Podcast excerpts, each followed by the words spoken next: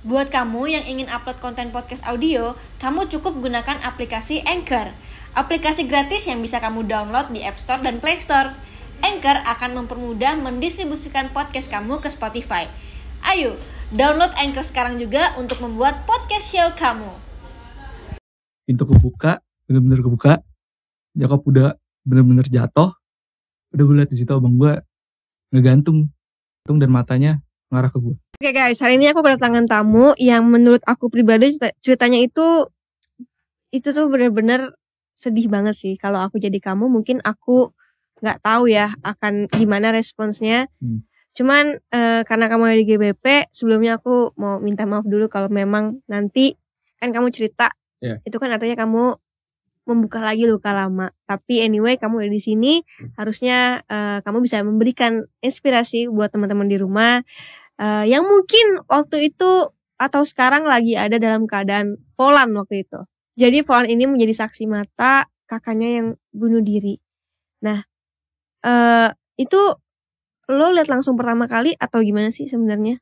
pas itu gue liat bener-bener sama gue dan nyokap gue itu bener-bener lihat jelas banget dan sampai sekarang juga keinget bahkan sebelum gue mau ngungkap ini pun dua hari sebelum gue ke sini setiap malam gue gue susah banget buat tidur dan itu bener-bener keinget dan saat itu gue cuman bisa duduk gue ngerti apa apa kan saat Hmm. itu kan Umur Gua- berapa waktu itu? umur 4 tahun 4 Umur- tahun. Iya 4 tahun. Ingatan gue udah mulai di situ. Gue ngerti apa-apa. Ya. Intinya gue habis keluar eh, keluar sama nyokap ngambil rapot abang gue yang pertama. Pulang, pintu ketutup, kekunci. Bener-bener kekunci. Digedor lah. Digedor. Kebuka. Udah. Nyokap taruh gue di samping di teras rumah. Pintu kebuka, bener-bener kebuka. Nyokap udah bener-bener jatuh. Udah gue liat di situ abang gue ngegantung pakai spray warna putih, celana dia celana pendek, bener-bener ngegantung dan matanya ngarah ke gue. Dari situ bener-bener kayak inget dan hancur banget hidup gue setelah itu. Wow. Wah. Oke, berarti abang lo meninggal atau bunuh diri waktu di umur Pas dia bener-bener kenaikan kelas 2 SMP. kenaikan kelas 2 SMP. Iya, Berarti itu sekitar 14 tahun lah ya. 14 tahun. Dan lu beda jaraknya jauh juga ya. Jauh banget. Di situ gue umur gue kan 4 tahun kan. Tapi lu deket sama abang lu itu. eh saat itu kayak abang sama ade aja gitu. Tapi setiap eh, abang gue ngejagain gue tuh pasti ketika dia ngelakuin kesalahan, ya langsung lah. Nyokap gue mukul dia, nyokap gue bener-bener kayak ngelampiasin ke dia juga. Intinya em, abang gue tuh tipikal anak anak-anak yang bandel lah. Ikut-ikut tawuran. Sampai pernah dia tuh ke rumah bawa samurai panjang. Hah? Ngasah depan nyokap gue. Bahkan ketika nyokap gue marah sama dia, saking kayak karena mungkin setiap hari dipukulin kali ya, nyokap gue nyari pelampiasan ke anaknya itu, dia itu punya ilmu kebal. Nyokap gue yang sakit, ketika dipukul nyokap gue yang sakit sampai segitu ya. Iya, Oke, berarti let's talk about kenapa nih? oke. Kenapanya itu mungkin ketika dimulai ketika kayak sebelumnya keluarga gue emang udah hancur sebelumnya, tapi nggak separah itu. Di mana bokap gue kepengen nyokap gue punya anak perempuan. Oke. Ya, awalnya dari situ. Ada dua syarat. Gue bisa berubah, tapi lu harus pertama ngasih ngasih gue anak perempuan. Kedua, lu harus bener-bener muslim, bener-bener kayak taat agama. Yang pertama udah diturutin kan. Akhirnya, akhirnya Sorry, yang pertama itu rutin yang mana? yang agama itu udah diturutin. Oke. Agama udah diturutin. Lahirlah gue. Dan lu lihat kondisi gue, gue bukan perempuan. Cowok lagi. Iya, cowok. Di situ udah hancur, udah bener-bener udah bener-bener udah mulai bokap udah marah, bener-bener kayak nyokap juga udah pressure banget. Ya, nyokapnya tetap seneng kan punya anak. Mhm. Apalagi gue lahir juga beda kan. Kayak bener-bener beda dari yang lain fisik gue. Gue kayak orang luar. Sampai kayak kalau misalkan nyokap gue bawa gue tuh dikira pembantu. Karena emang gak, gak relate muka nyokap gue lokal, gue impor ya kan. Hmm. Di situ Sorry, berarti bokap lu sebelumnya sudah hancurnya itu kenapa? sudah hancur kayak dia tiap hari tuh bener-bener kayak kerjanya cuma mabok kayak bener-bener dari mulai ibarat orang harta tahta wanita itu udah dicobain semua sama dia yang Hmm. buruk-buruknya secara negatif kan dan sempat mau berubah ya itu tadi syaratnya dua tadi Oke. Dan setelah itu akhirnya eh, semua pelampiasannya ke anak-anaknya dari Ke nyokap. Iya betul. Ditambah lingkungan tadinya bokap sama nyokap itu tinggal di Kalimantan, Oke. pindah lah Jakarta. Lingkungan pertama oke lah, oke walaupun benar-benar udah broken home, udah kayak bokap banyak tingkah lah di situ. Pindah ke lingkungan yang kedua, lingkungan yang benar-benar kayak lu bisa ngeliat orang judi di depan rumah lu sendiri. Iya, bener-bener hancur sehancur itu. Lu bisa ngeliat orang tetangga sama tetangga punya suami sama punya istri itu tukeran. Kenapa pindah waktu itu saat itu? Karena emang kebetulan eh, di situ ada keluarga bokap kan. Oke. Situ dapat lah rumah di situ. Tadinya sebelumnya ngontrak dulu, bener-bener dari awal lah. Makin di situ hancur banget tuh lingkungan hancur. Keluarga gue keluarga gue emang udah bener-bener hancur ditambah makin hancur. Berarti lingkungan juga sangat mempengaruhi ya. Sangat banget. Lingkungan sangat-sangat mempengaruhi. Oke. Eh tapi sebelum gua tanya lebih lanjut, gua mau tanya, saat itu kenapa maksudnya kan menurut lu udah hancur banget nih. Hmm. Kenapa waktu itu nyokap atau bokap lu eh, mungkin nggak memutuskan untuk berpisah aja? sempet di mana ketika gue udah lahir abang gue masih ada itu itu udah bener-bener mau pisah udah mau Hmm. cerai and momen ada satu momen yang menurut gue romantis banget sih kayak udah bener-bener udah hancur banget udah sampai tragedi di mana sa- senjata bokap tuh ditodong diambil sama nyokap terus ditodong ke dia udah bener-bener kayak saling mau bunuh-bunuhan nih Hmm. udah mau bunuh-bunuhan abang gue yang meninggal itu tiba-tiba eh, bapak sama mama jangan cerai terus tangan disatuin kayak gini. Bener-bener wah bener-bener kayak dia tuh pengen hidupnya damai gitu. Dia udah berusaha kayak gitu tapi sayangnya nggak bisa. Dan dia milih buat bunuh diri saking nggak bisa ya. Oke, jadi kalau lu bisa ceritakan bagaimana sih eh, proses kehidupan keluarga lu? Dari mungkin waktu eh, ayah lu mungkin yang lu bilang bawa pulang cewek atau segala macam terus kemudian nyokap lu marah dan akhirnya pelampiasannya ke eh, abang pertama lu gitu sampai akhirnya jatuh ke lu. Eh pelampiasannya pertama ke abang yang ketiga ya kita yang ketiga ya Oke, jadi lu berempat nih ya. ya gue berempat Mm, lu Ya. yang terakhir, gue yang terakhir eh, sorry yang bunuh diri di abang ketiga ya berarti. abang yang ketiga Abang kedua abang kedua itu kebetulan lahirnya nggak nggak sempurna. Oke. kebetulan lagi nggak sempurna dia ngalamin kecacatan otak dan sampai sekarang ya masih hidup tapi ya jadi kayak bayi raksasa gitu keterbelakangan gitu. Oke. Yang pertama, yang pertama dia udah enak lah hidupnya. Udah pokoknya yang pertama itu sangat-sangat jauh dari keluarga. Karena hmm, emang udah dari awal dia lari kan dia nyari safe zone nya karena dia bisa lari dia udah gede. Dan bener-bener sampai sekarang itu jauh banget dari keluarga.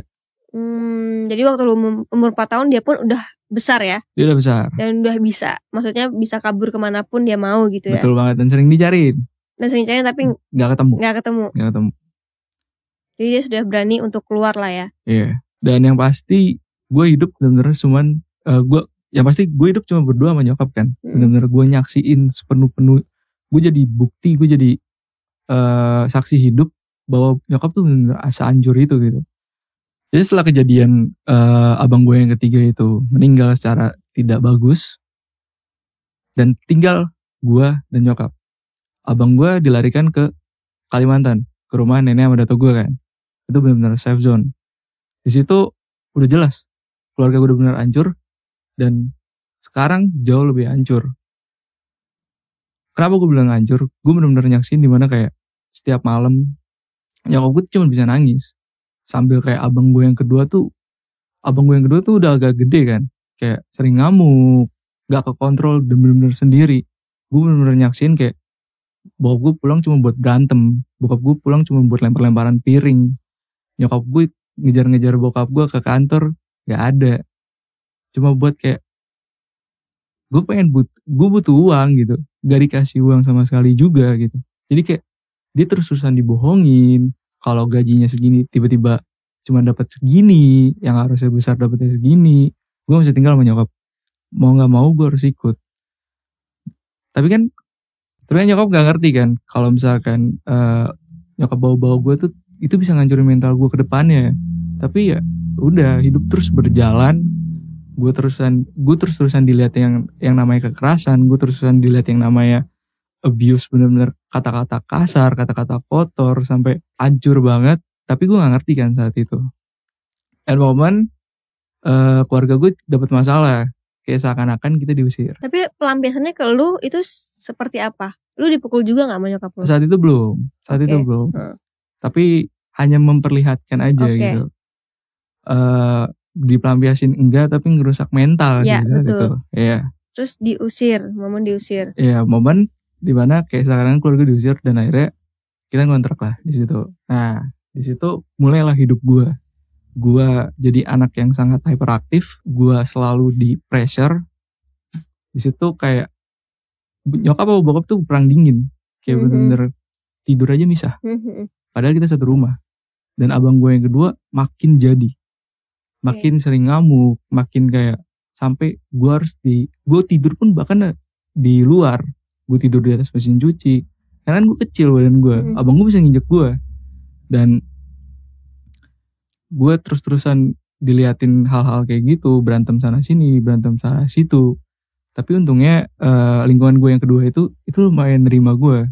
Kayak teman-teman gue jadi punya teman di situ. Tapi tetap gue hampa Mhm. sampai kayak yang harusnya harusnya normalnya anak saat itu kayak lu punya teman banyak kan?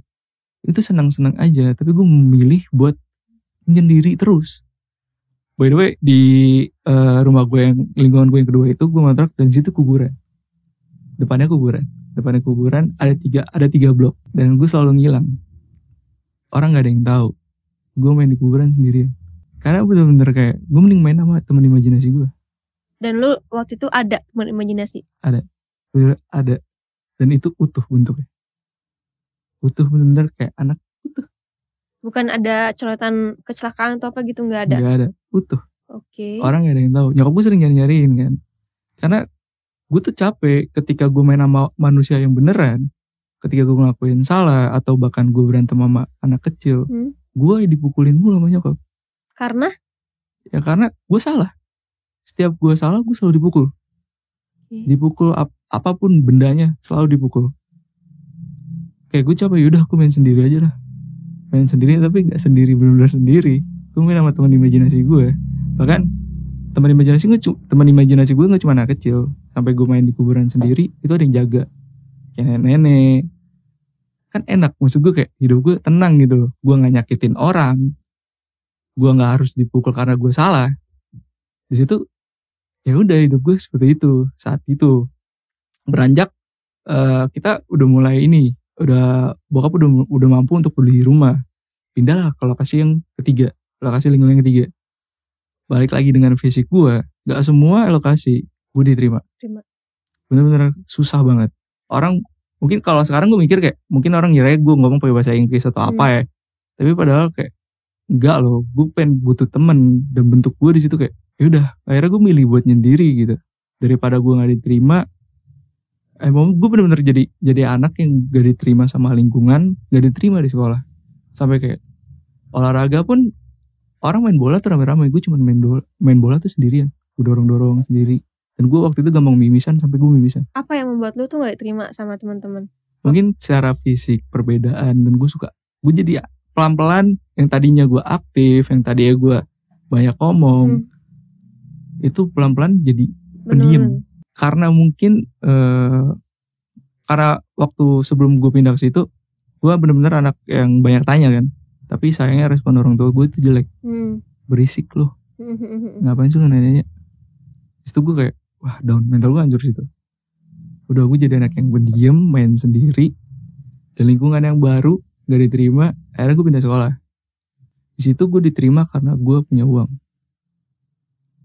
dan selama gue sekolah itu gue selama gue sekolah dasar ya SD setiap kali gue nangis itu nangisnya beda dari anak-anak biasa. Bedanya gimana? biasanya anak-anak nangis ya udah nangis aja gitu kayak ya udah gue nangis gue mukulin diri gue gue nangis gue jedotin kepala gue gue nangis ngamuk-ngamuk. Itu anak SD ya? SD guru kelas 6 gue wali kelas gue itu sebenarnya notice kayak ini anak kayak butuh ke psikiater deh.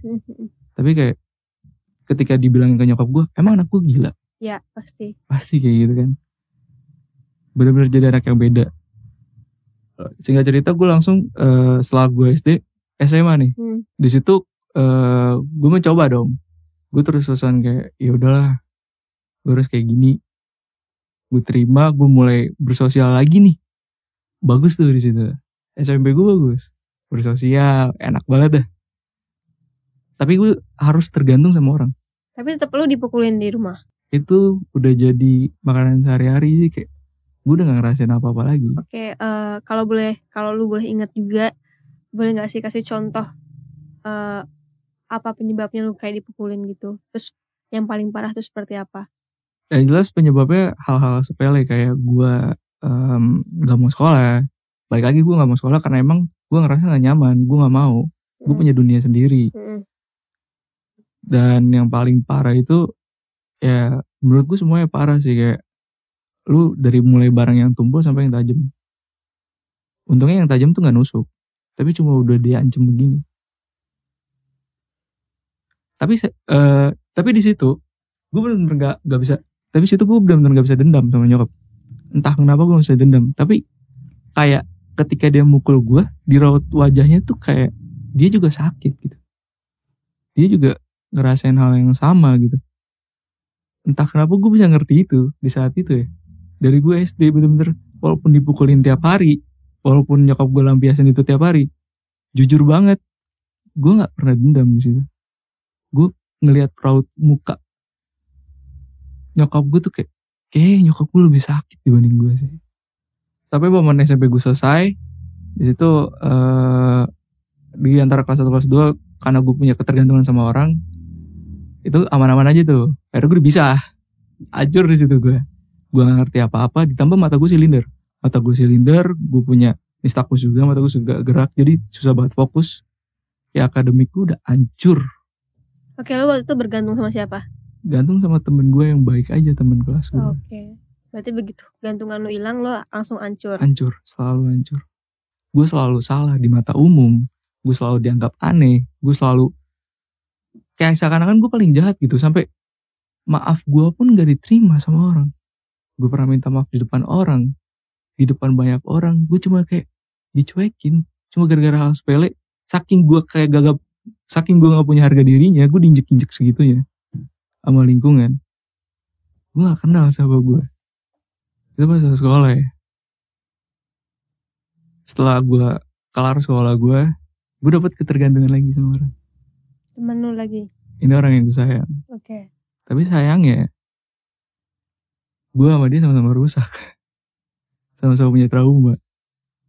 Jadi ya yang tadinya gue dilambi nyokap gue udah berhenti. Udah berhenti kayak lambiasin gue karena kan bokap gue udah gak ada oke berarti bokap lu udah nggak ada? Udah nggak ada pas kelas 2 SMA kan? Di situ Oh. nyokap udah mulai kayak pokoknya pas gue udah SMA udah mulai kayak capek kali ya dia. Udah mulai capek udah kayak yaudah gue free aja lah. Dia udah mulai ke, udah mulai ngelawan sama bokap. Ngelawan ngelawan sampai bokap meninggal itu gue stop dipukulin tuh pas SMP sama nyokap gue di stop dipukulin pas SMP Eh pas gue masih SMA nyokap tuh mulai mulai mulai ngelawan bokap. Kayak kabur dari rumah itu ya Jokap bener-bener ditutup pengetahuan sama bokap. Mhm. Yang gue inget yang paling parah dia nutup eh mungkin kalau digambarin ya bokap tuh nutup apa sampai nyokap itu kalau misalnya mau keluar itu yang dandanin bokap. Aneh banget sih? berarti itu benar-benar dikekep ya nyokap lu Dikekep. di dalam rumah berarti ya Iya, gak boleh ke mana-mana. Lu mau ke mana-mana, lu bawa anak lu. Lu mau dandan gue yang dandanin. Itu kayak ondel-ondel katanya. oh iya? Segitunya. Gue ngerti bokap gue ngerasa takut kehilangan atau gue nggak tahu di situ.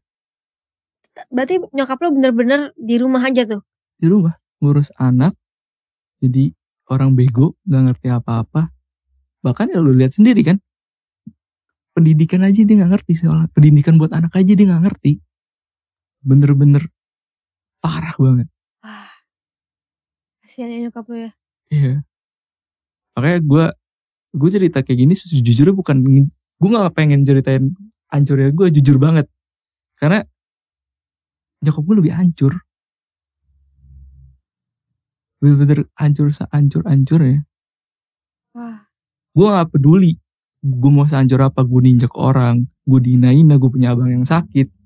Sampai kayak eh temen gue ngeremehin gue gue punya apa-apa bahkan ketika bokap gue meninggal gue mulai dijauhin gue punya apa bener-bener gue survive bener-bener survive banget tapi ya gitu Tadi kan lu cerita kalau nyok- nyokap lu tuh udah mulai ngelawan bokap ya dari SMP menuju SMA gitu kan. ya di masa gue SMP eh, ke SMA Iya. Nah, sebelum-sebelumnya nyokap lu itu gimana sih responnya terhadap kekangan bokap lu ini? Apakah nyokap lu diem aja atau memang udah ngelawan tapi susah?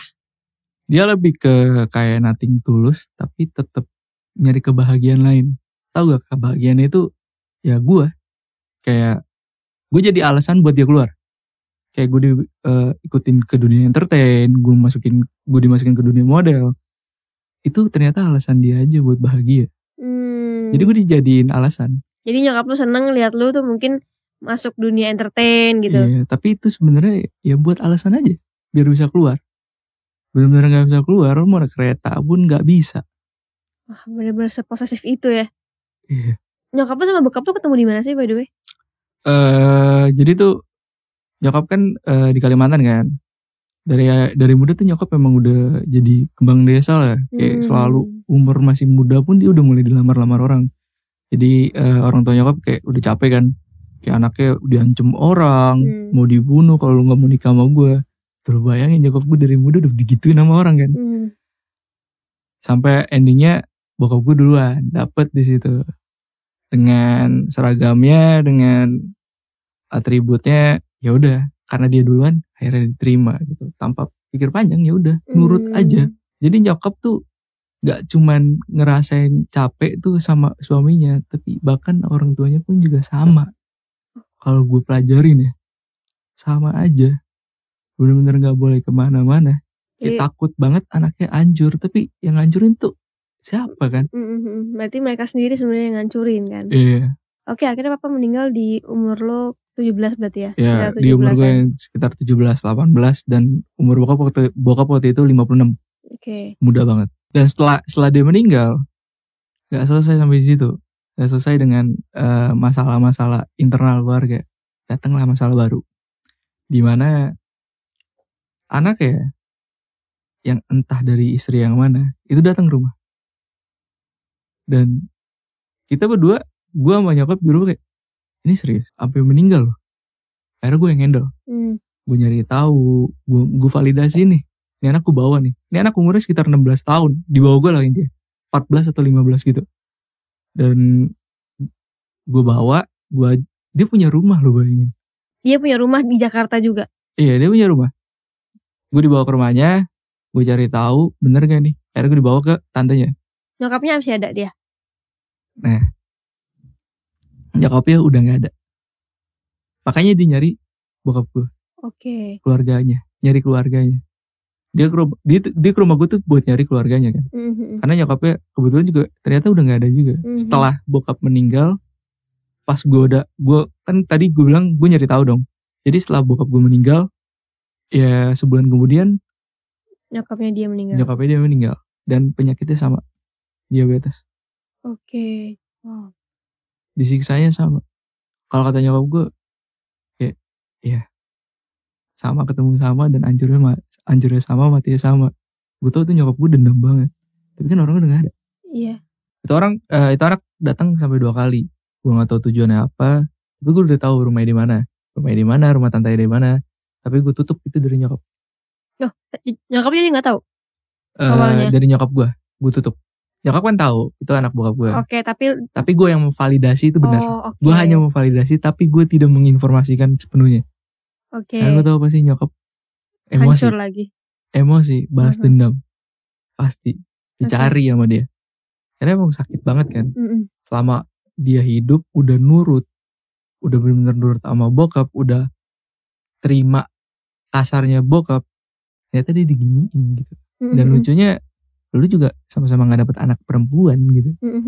Oke, akhirnya gue tutup informasi itu sampai sekarang. Bahkan nyokap selalu nanya benar-benar gue tutup? Nggak mau gue setelah itu eh berjalanlah hidup gue Hmm. yang mulai dewasa kan Mm-mm. mulai dewasa Dan lu masih tinggal sama nyokap ya?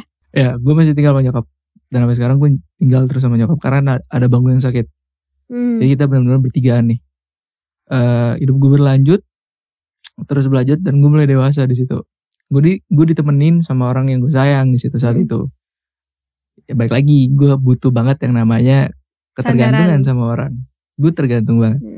Hidup gue fine fine aja. Walaupun hubungan gue juga ternyata toxic walaupun gue jadi pelampiasan jadi dari orang yang gue sayangi tapi gue fine fine aja gitu. Sampai fase di mana ya lu tahu ketika lu eh, sekolah terus bokap lu meninggal otomatis ada banyak yang berubah. Yang jelas Hmm. mental yatim akan beda. Di situ ekonomi bakal jatuh di situ.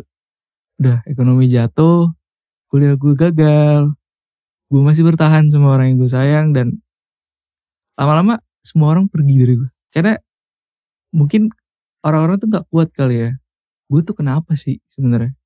Kayak gue dikasih seneng tiba-tiba gue jatuh. Sampai kayak teman gue kayak lu bipolar deh.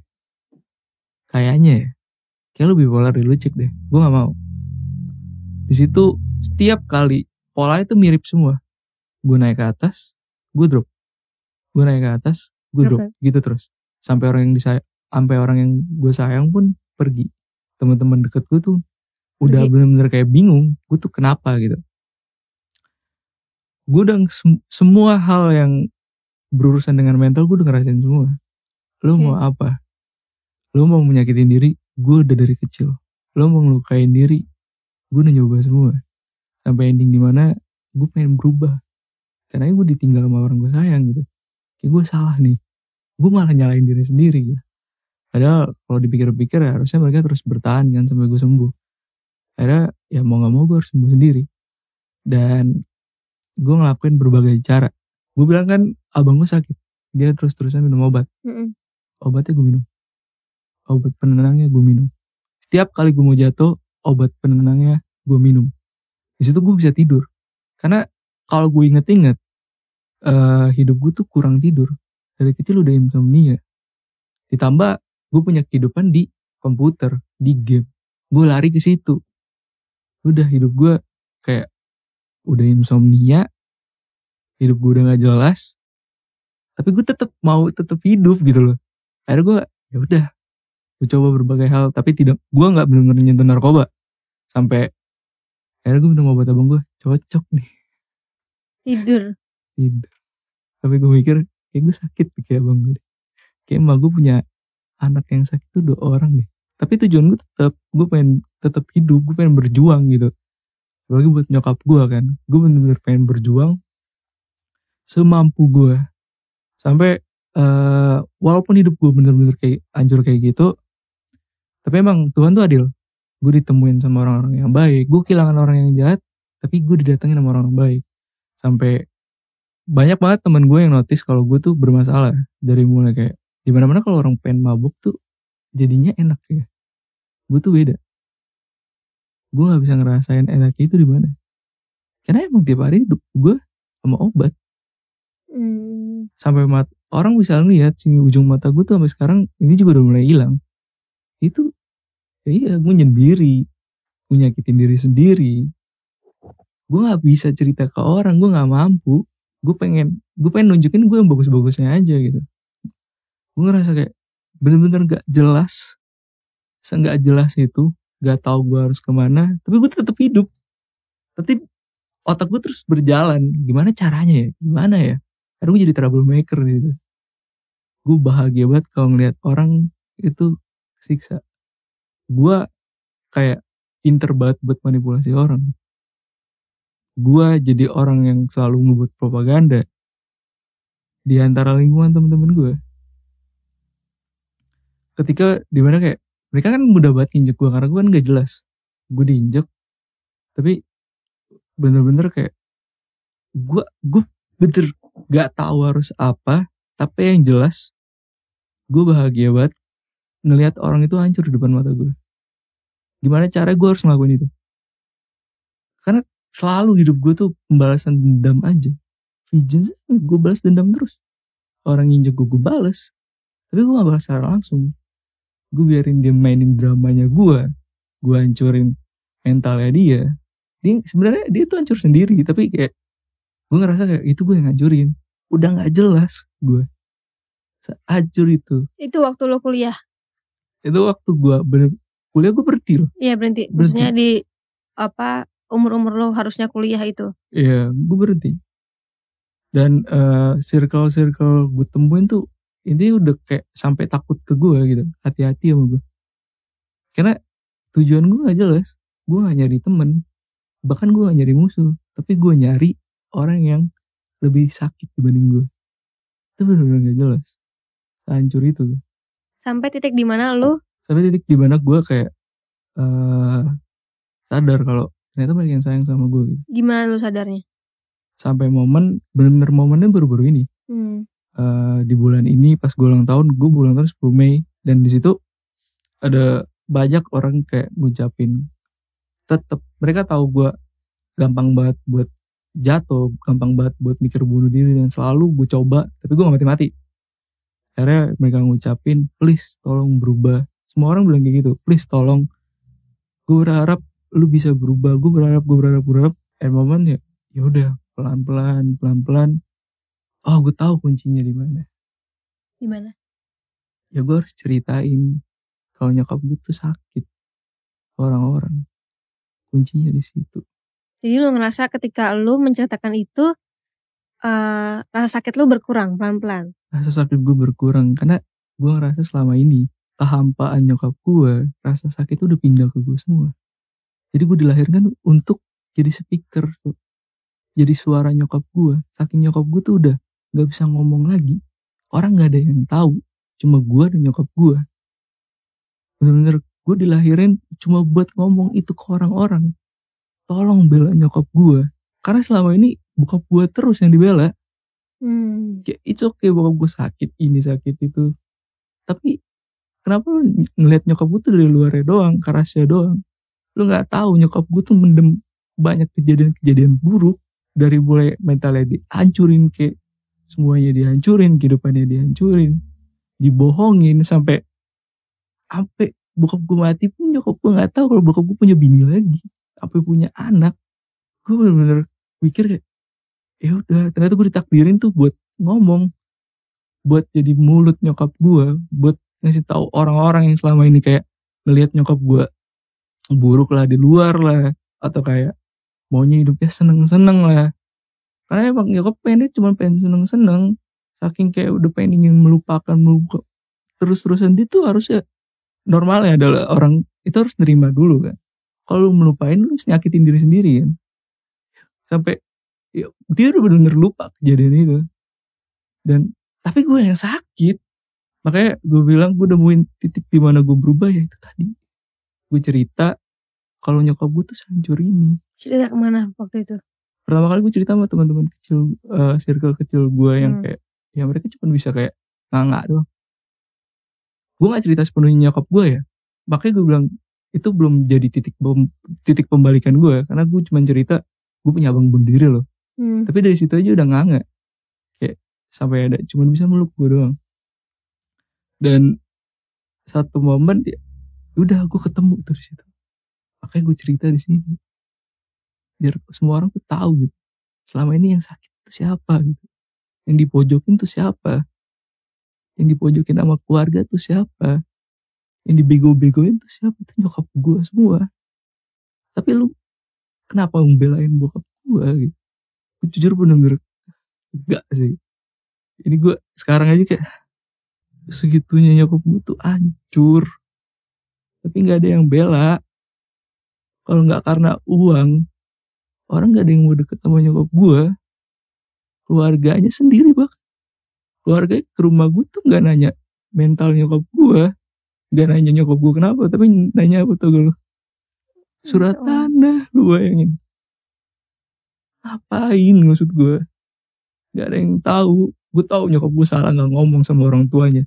Tapi kayak orang mental udah hancur gimana caranya buat ngomong gitu? Di situ pelan pelan kayak pokoknya gue, setelah dari sini gue pengen gue pengen tuh orang tuh tahu bener-bener siapa yang hancur.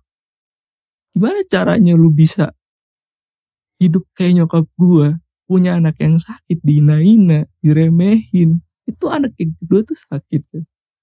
dihina-hina dibilang jijik sama tetangga. Dan anak yang ketiga bunuh diri. Orang tua mana yang kuat kayak gitu loh bayangin Dan itu semua nyalahinnya nyokap lu.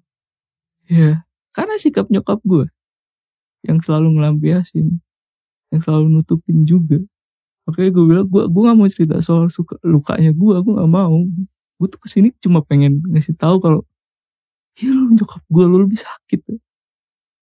oke gue sampai depresi ngancuri diri gue masuk ICU sampai gue pernah koma sampai gue sebulan tuh nggak bisa keluar rumah gue lumpuh.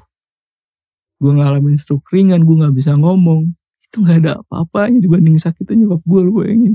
Oke gue bener-bener bersyukur gue udah nemu gue tuh harus apa ya. Pelan-pelan semua berubah. Gue sama nyokap gue mulai kayak nerima. Kalau emang sebenarnya nyokap gue tuh hancur. Gue selalu bilang sama nyokap gue hidup kita tuh hancur. Lu tahu gak sih? Lu inget gak sih pelan-pelan nyokap gue ngebuka ngebuka ngebuka ceritanya. Semuanya dibuka. Pelan-pelan bener-bener pulih. Kuncinya cuma satu cerita ternyata. Apa pun hidup lu gitu masa lalu gitu. Jangan tolong dipendam cerita. sendiri. iya. Jangan ngancurin diri lu sendiri. Cerita. Terus paling kayak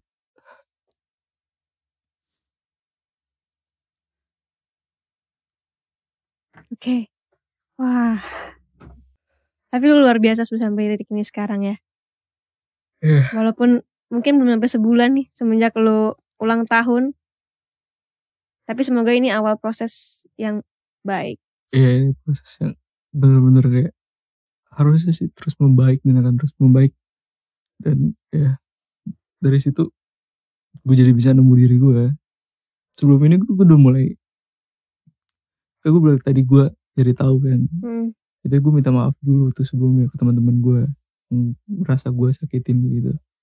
Pelan-pelan pelan-pelan orang baru datang orang-orang yang baik datang walau tetap jatuh tetap gue harus jatuh terus-terusan.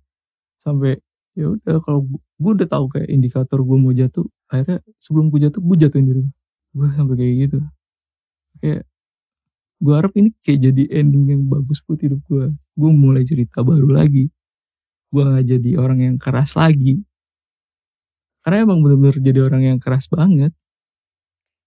Sampai eh kalau lu ketemenan sama gue nggak cukup satu orang buat ngancurin mental gue selalu dan selalu gue keroyokin dengan verbal. Saking kayak gue seakan aku punya power gede padahal gue punya trauma yang gede gitu. Nyokap lu selama 4 tahun setelah bokap lu meninggal ngelakuin apa? nyokap tuh kayak hewan yang baru lepas dari sangkarnya selalu teriak ke mana-mana.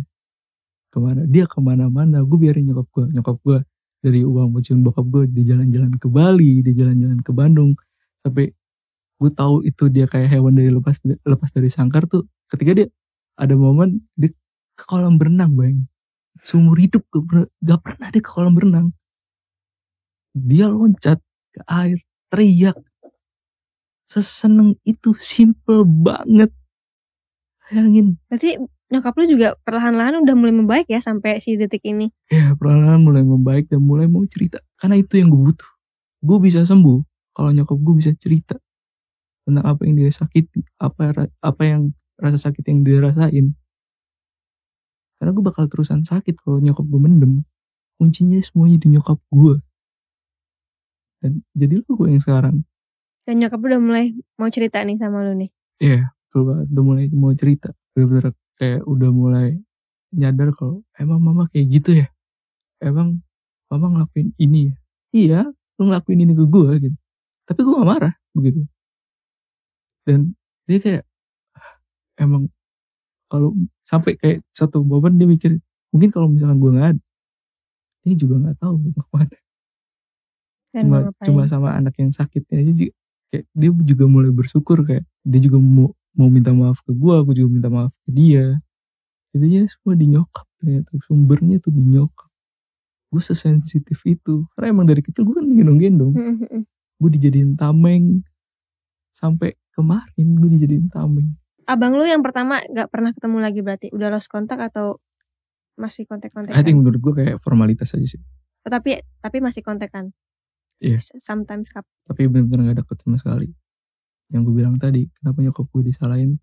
Dia salah satu orang yang yang gak setuju dengan nyokap gue yang ngelihat buruk nyokap gue. Anak sendiri. Ya cuman dan orang lain deh. Sendiri juga. Pun kayak gitu. Oke. Tujuan gue sini itu cuman itu. Kasih tahu ke orang-orang kalau nyokap gue tuh hancur banget. Gak ada yang kuat lu gak akan bisa jadi nyokap gue kalau lu lebih milih buat mati pasti lu pilih mati dibanding jadi nyokap gue Luar biasa ya pengalaman hidupnya sampai sekarang. Tapi bersyukur banget sekarang eh, sudah sedang proses melewati itu semua. Dan semoga ke depannya lebih baik lagi. semoga Sama nyokap juga semakin eh, hebat berdua. semakin romantis sih gue Semakin romantis. Iya, Jadi dua-duanya bisa sama-sama sembuh lukanya juga. sembuh bareng-bareng kolaborasi bareng-bareng maju bareng-bareng Dan juga eh, keren banget waktu itu lo nggak terjerat narkoba juga. Iya enggak Kenapa lu nggak waktu itu bisa nggak make? Karena itu kan sebenarnya deket banget nih sama lu. rasanya sama menurut gue rasanya sama Lu udah lebih sakit dari itu ya? Iya sakit mental lu sama kayak orang narkoba menurut gue karena di ke belakang kepala lu terus-terusan sakit tapi lu nggak ada lukanya tapi lu nyak lukain diri lu sendiri kan sih paling kayak gue nggak nyentuh itu Jadi lu proses healing dulu ya sama nyokap lu. Udah dua-duanya mentalnya udah bagus, baru eh, gimana ke depannya kan lihat nanti juga. iya betul Yang penting sekarang prioritasnya adalah nyembuhin lu dan nyokap lu. iya itu tujuan gue sekarang Dan nyokap lu pasti bersyukur ya punya lu yang nggak pernah nyalahin dia berarti. walaupun momennya juga sempet lah Iya, normalnya iya, pasti iya. sempet tapi Cuman sekarang kan sudah begini, berarti kan lu lu aja nggak pernah dendam. Tadi lu lihat, tadi lu cerita bahwa ketika udah full, ketika udah apa lu lihat nyokap lu itu lebih sakit dari lu. gue pernah dendam sekali cuma em, ada yang pengen gue sampaikan kayak karena nyok kayak tadi gue bilang karena nyokap itu pandangannya pandangan orang lain ke nyokap tuh buruk sampai kayak anaknya juga tapi yang terpenting adalah ini gue pengen sampaikan salah satu healing gue juga sih. Gue berhasil nendang dua orang gitu. Abang gue yang pertama dan bokap gue sendiri. Gue tendang beneran gue tendang. Bokap gue orang taekwondo gue udah jadi taekwondo gue nendang bokap gue sendiri. Puas gue situ dan lebih puas lagi gue bisa ceritain nyokap gue lebih eh, bisa nyeritain sakitnya nyokap gue ke orang-orang. Jadi kayak wah Oke, Falan, ya kita semua di sini berharap semoga lu cepat-cepat eh, sembuh sama nyokap lu juga bahagia nanti ke depannya dan juga amin. jangan trauma punya keluarga baru nanti. Eh, gue dan nyokap sama sih kayaknya pentingin anak pentingin orang tua gitu aja sih paling kayak udah lebih bahagia kayak gitu ya pokoknya pokoknya eh, apa pun yang terjadi masa lalu Iya. itu menjadikan lu yang sekarang dan juga itu pasti ada ada sesuatu yang yang apa ya yang sekarang lu bisa sampaikan sekarang kan itu berarti kan sebuah inspirasi Iya, berjuang kan? banget gue buat Berjuang ngomong banget. gini doang. bener dan semoga ke depannya lu lebih baik lagi terus juga semoga cerita dari Kavolan ini bisa menjadi pelajaran juga nih buat teman-teman di rumah yang yang mungkin lagi dalam kondisi yang sama waktu itu bagaimana lu bisa bangkit. Yang penting mungkin kalau dari Kavolan sendiri berceritalah sama orang-orang ya. Iya, Maksudnya, mulailah cerita. mulai cerita. Jangan dipendam sendiri karena mungkin itu yang bikin kalian tuh ada beban terus mentalnya yang tadi lu bilang di belakang sini kayak ada Iya, eh keiket gitu. Jadi coba boleh mulai mungkin di sharing masalahnya siapa tahu itu bisa mengurangi rasa sakit lu mengurangi rasa betul banget. eh ya istilahnya lu healing lah dengan kayak gitu agak lega sedikit lah ya Iya, lega banget justru. Simpel loh. Kuncinya cuma di situ. Apa pun masa lalu, apa pun mental health lu, cerita aja. kalau mungkin sama teman-teman eh, belum nyaman mungkin bisa sama ke ahlinya kali ya Ya, Amalia betul. Iya, oke. Thank you banget udah mampir dan juga sudah bercerita panjang Iya. lebar. Semoga apa pun yang lu eh, cita-citakan ke depannya akan berhasil juga dan Amin. menjadi orang yang lebih baik lagi ke depannya. Ada lagi mau sampaikan mungkin? mungkin eh, buat teman-teman yang nonton ini gue mau nyampein satu pesan nih kayak kita nggak bisa kontrol apa pun yang terjadi ketika kita hidup ke depannya kita nggak bisa kontrol bahkan ke belakang pun kita nggak bisa kontrol jadi ya lu terima aja mulai pelan-pelan bersyukur karena lu nggak bisa kontrol itu stop buat mikirin hal-hal yang nggak bisa lu kontrol daripada nyakitin diri lu sendiri sih paling gitu sih Oke, gua thank you. Nonton sampai habis ya. Makasih ya. Jangan lupa follow Instagram aku di sini dan nonton video lainnya di sini.